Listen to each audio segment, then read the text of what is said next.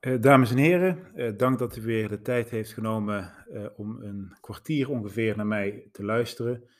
Vandaag wil ik met u bespreken het onderwerp verjaring en CMR-verdrag en dan meer specifiek over de mogelijkheden van de verlenging van de verjaring. U weet, de verlengingstermijnen zijn vrij kort in het vervoerrecht algemeen en ook in het wegvervoer. Eh, en is er eh, de behoefte om de eh, verjaringstermijnen te verlengen. de vraag is evenwel of dat dat mag. en ik kom bij het onderwerp bij, door een recent artikel in de SVA. Dat ging over verjaringen CMR aan de hand van, van de hand van Papi Sek.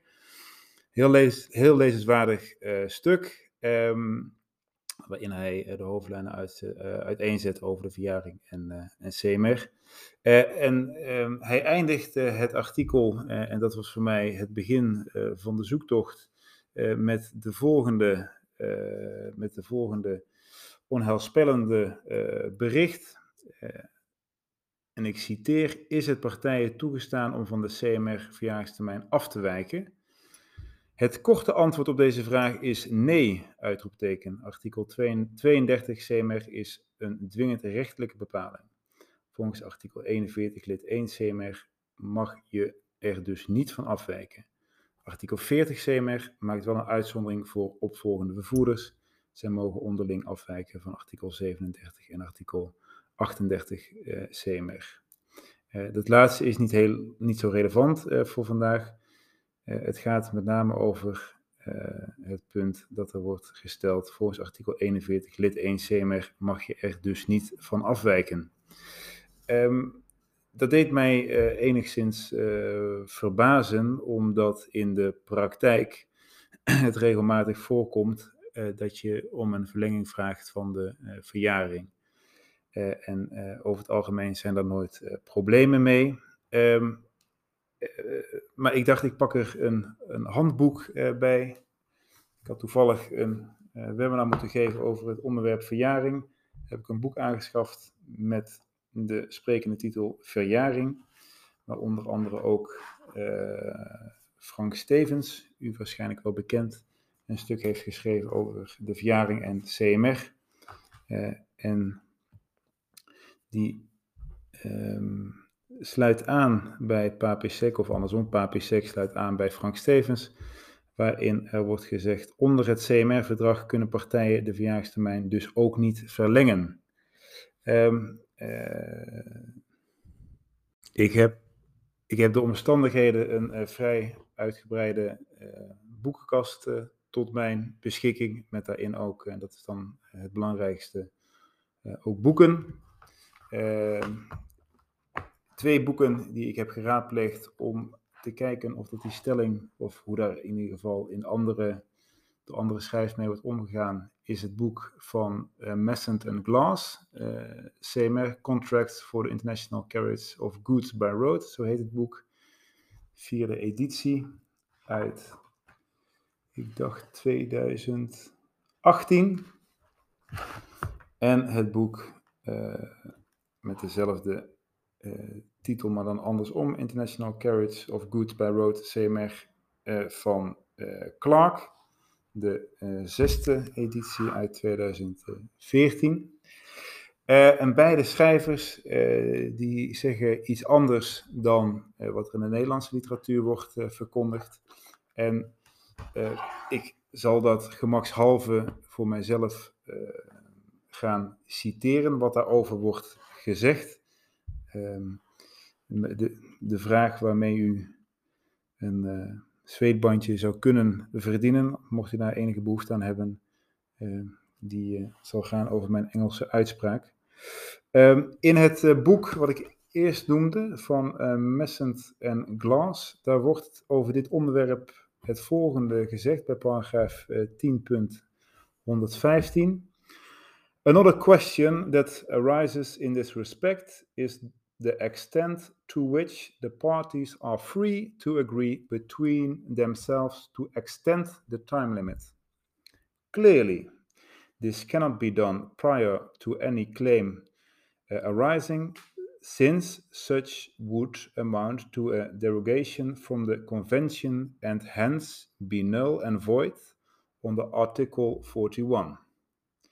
Such extensions of time subsequent to the claim arisen are, however, widely agreed and acted upon in both marine disputes and CMR cases and clearly represent a sensible approach in terms of avoiding needless litigation. Um,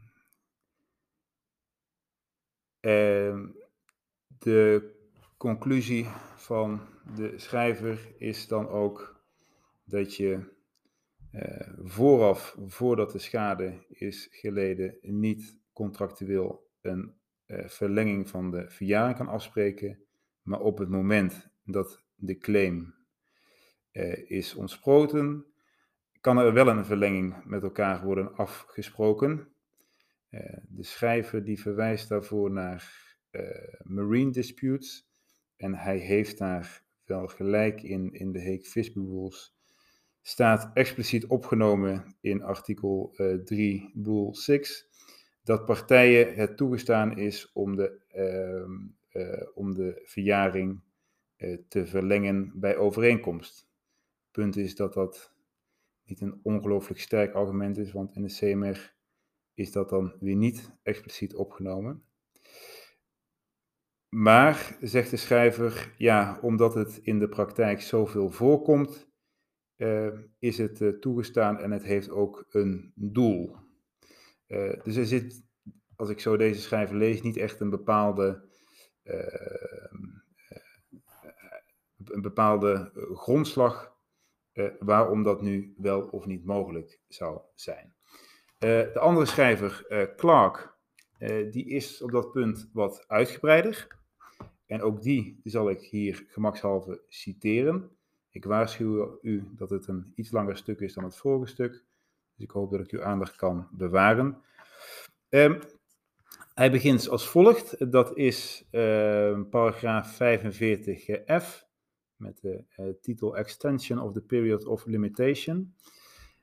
Um, en verderop in die paragraaf stelt hij het volgende. In England, extension of the CMR limitation period by agreement is not authorized by the Limitation Act. Dan stelt hij de vraag: is it allowed by the CMR? CMR. Party agreement uh, in the contract of carriage that the period of limitation shall be extended extended beyond that provided by Article 32, it has been said is contrary to Article 41 of the CMR, but an agreed extension after a claim has arisen is allowed. A good case for this distinction has been made in principle. However, it does not sit easily with the wording of the CMR. Article 41 invalidates stipulations, derogations from the provisions of the CMR, whether or not it appears the offending stipulation is found in the contract of carriage of some other related agreement. The draftsman was concerned less with form than with effect, and to ensure that the CMR was not defeated by collateral agreements. The draftman allowed derogation from the limitation period if an extension is authorized, authorized by the lex fori. The general ban on derogation contained in Article 41 is qualified by the special license in Article 42 uh, and it is submitted that extension by agreement if permitted by the lex fori, is permitted by the CMR, whether it is agreement in advance or agreement after the claim in question has arisen. But that, it appears, is all. Einde citaat. Dus als ik Clark goed begrijp, moet er gekeken worden naar uh, het recht uh, uh, waar de zaak aanhangig is of dat een extension wel of niet is toegelaten. Ehm, en als ik hem begrijp, zegt hij dat een in England extension of the CMR limitation period by agreement is not authorized by the Limitation Act. Dus als ik hem juist begrijp, als je in Engeland wil procederen, zou dat niet, uh, wil verlengen, zou dat niet mogelijk zijn. Um, deze zienswijze uh, van Clark wordt, um, zoals ik het begrepen, gevolgd in België. België. Ik heb hier een recent, recente uitspraak van de ondernemersrechtbank in Luik. Het 12 redelijk recent, als u geen jurist bent en dit luistert, wat ik u sowieso niet aanraad. drie jaar is in de juridische wereld redelijk recent. Eh, van 12 september 2019. Dat ging ook over een uh, verjaringsvraagstuk. Uh, op zichzelf de feiten zijn niet ongelooflijk relevant hiervoor. Alleen um, de rechtbank die stelt in die zaak vast dat de dagvaarding van de vervoerder buiten de eenjarige termijn voorzien in artikel 31 lid 1 CMR was ingesteld. En die, dan wordt de vraag gesteld uh, of de verjaringstermijn is geschorst dan wel gestuit. Nou, het blijkt dat er geen schriftelijke vordering in de zin van artikel 32 lid 2 CMR en ook geen andere stuitingshandelingen of stuitingsdaden of schortingsdaden uh, zijn uh, gepleegd. behalve is er ergens een briefje waarin door de vervoerder, de veilig vervoerder, wordt gezegd: Ik geef mijn akkoord voor een verlenging. Ehm, en dan is uh, de vraag of dat, dat uh, voldoende is. En de rechtbank die gaat dan toetsen aan artikel uh, eh, 2220 BW, dus dat is het Belgische burgerwetboek, waarin, wordt, waarin staat vermeld, men kan vooraf geen afstand doen van de verjaring, men kan wel afstand doen van een verkregen verjaring. En de rechtbank in Luik, die honoreert deze uh, verlenging van verjaring. Dus de ehm, Belgische rechter, in ieder geval de rechter in Luik, die kijkt dan naar het Belgische recht, hoe het daar is geregeld. Nou, uh, als we zover zijn en uh, we nemen die stap zoals eigenlijk Clark en ook de rechtbank in België neemt, gaan we kijken hoe dat dan in Nederland zou moeten gelden. Als je dan in dat geval door uh, de wettenbundel bladert, dan kom je in eerste instantie bij artikel uh, 3, 322, waarin uh, opgenomen staat dat uh, voordat de verjaring voltooid is, er geen afstand van verjaring kan worden gedaan. en als dit artikel hier van toepassing zou zijn, dan zou dat waarschijnlijk uh, gevolgen hebben uh, en zou wellicht de conclusie getrokken moeten worden dat ehm, de verjaring niet verlengd kan worden.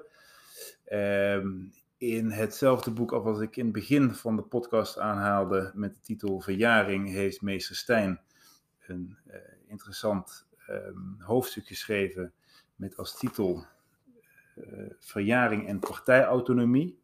En over dit onderwerp, of over dit artikel, zegt hij in, uh, zegt meester Stijn het volgende. Welke mogelijkheden biedt het Nederlandse recht voor partijen om de duur van de verjaringstermijn te beïnvloeden? Doorgaans wordt aangenomen dat het naar het Nederlands recht in beginsel niet mogelijk is om de verjaringstermijn contractueel te schorsen of te verlengen, omdat een dergelijke afspraak in strijd zou komen met artikel 3 322 lid 3 BW. In deze opvatting worden dergelijke afspraken gezien als verboden afstand van de verjaring voordat de verjaring is voltooid. De gedachte is dan dat afstand wordt gedaan van de verjaring over de periode waarin de verjaring zonder de afspraken al zou zijn ingetreden, maar bij geldigheid van de afspraken nog niet. Contractuele verlenging is dan dus niet mogelijk voordat de verjaring is voltooid, zodat, zo meen ik, zegt meester Stijn, een daartoe strekkende rechtshandeling vernietigbaar is.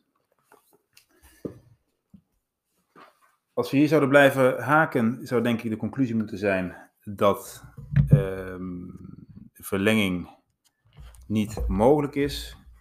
Nu is het evenwel zo dat volgens mij we niet moeten kijken naar artikel 322 BW, maar naar het speciale artikel uh, opgenomen in boek 8, artikel 1701. En wat bepaalt dat artikel? Dat uh, zegt het volgende: een termijn bij afloop waarvan een rechtsvordering verjaart of vervalt, kan worden verlengd bij overeenkomst tussen partijen, gesloten nadat het feit dat de rechtsvordering heeft doen ontstaan, heeft plaatsgehad. In afwijking van het eerste lid van artikel 1700 wordt een dergelijke verlenging niet aangemerkt als een wijziging van aansprakelijkheid van hem aan wie een beroep op een dergelijke termijn toekomt. Dus op basis van dit artikel zou tot de conclusie moeten worden gekomen dat verlenging wel mogelijk is.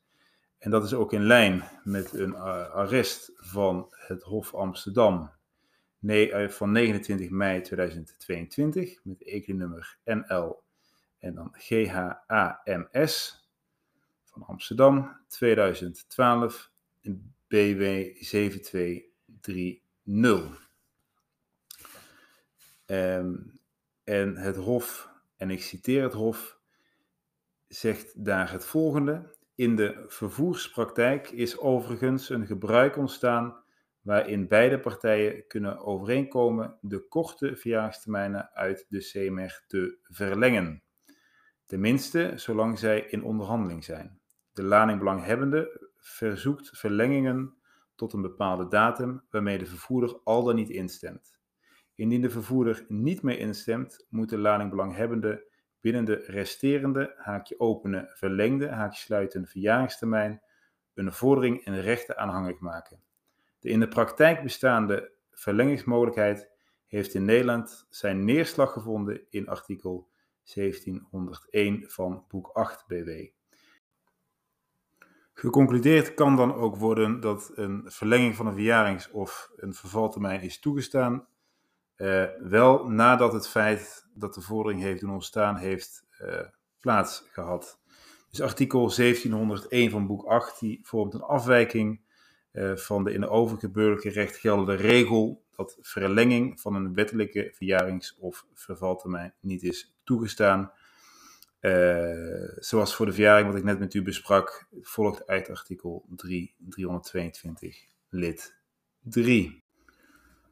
Kortom, eh, claims, handlers, advocaten, juristen en anderen die uh, uh, verlengingstermijnen uh, hebben afgesproken met hun wederpartij, uh, kunnen rustig gaan slapen. Tot slot van deze podcast ehm, de vraag waarmee u een originele Flip Legal zweetband kunt winnen. Um, tijdens de podcast zou ik de vraag stellen over mijn uitspraak. Um, ik wil mezelf eigenlijk al niet al te veel uh, pijnigen. Uh, dus ik heb gaandeweg de vraag aangepast. de vraag is relatief makkelijk. U hoeft geen jurist te zijn om hem te beantwoorden. Ik heb drie namen genoemd van Engelse schrijvers waaraan ik, ehm, eh, die ik heb eh, geciteerd. U hoeft maar één naam eh, van die schrijver, van een van die schrijvers te e-mailen naar flip.fliplegal.nl en dan krijgt u, nogmaals, als u daar behoefte aan heeft, een, een, een ongebruikte Flip Legal zweetband. Ik wil u wederom bedanken voor uw aandacht. Um, en ik hoop u weer uh, volgende keer met een ander onderwerp te kunnen vermaken.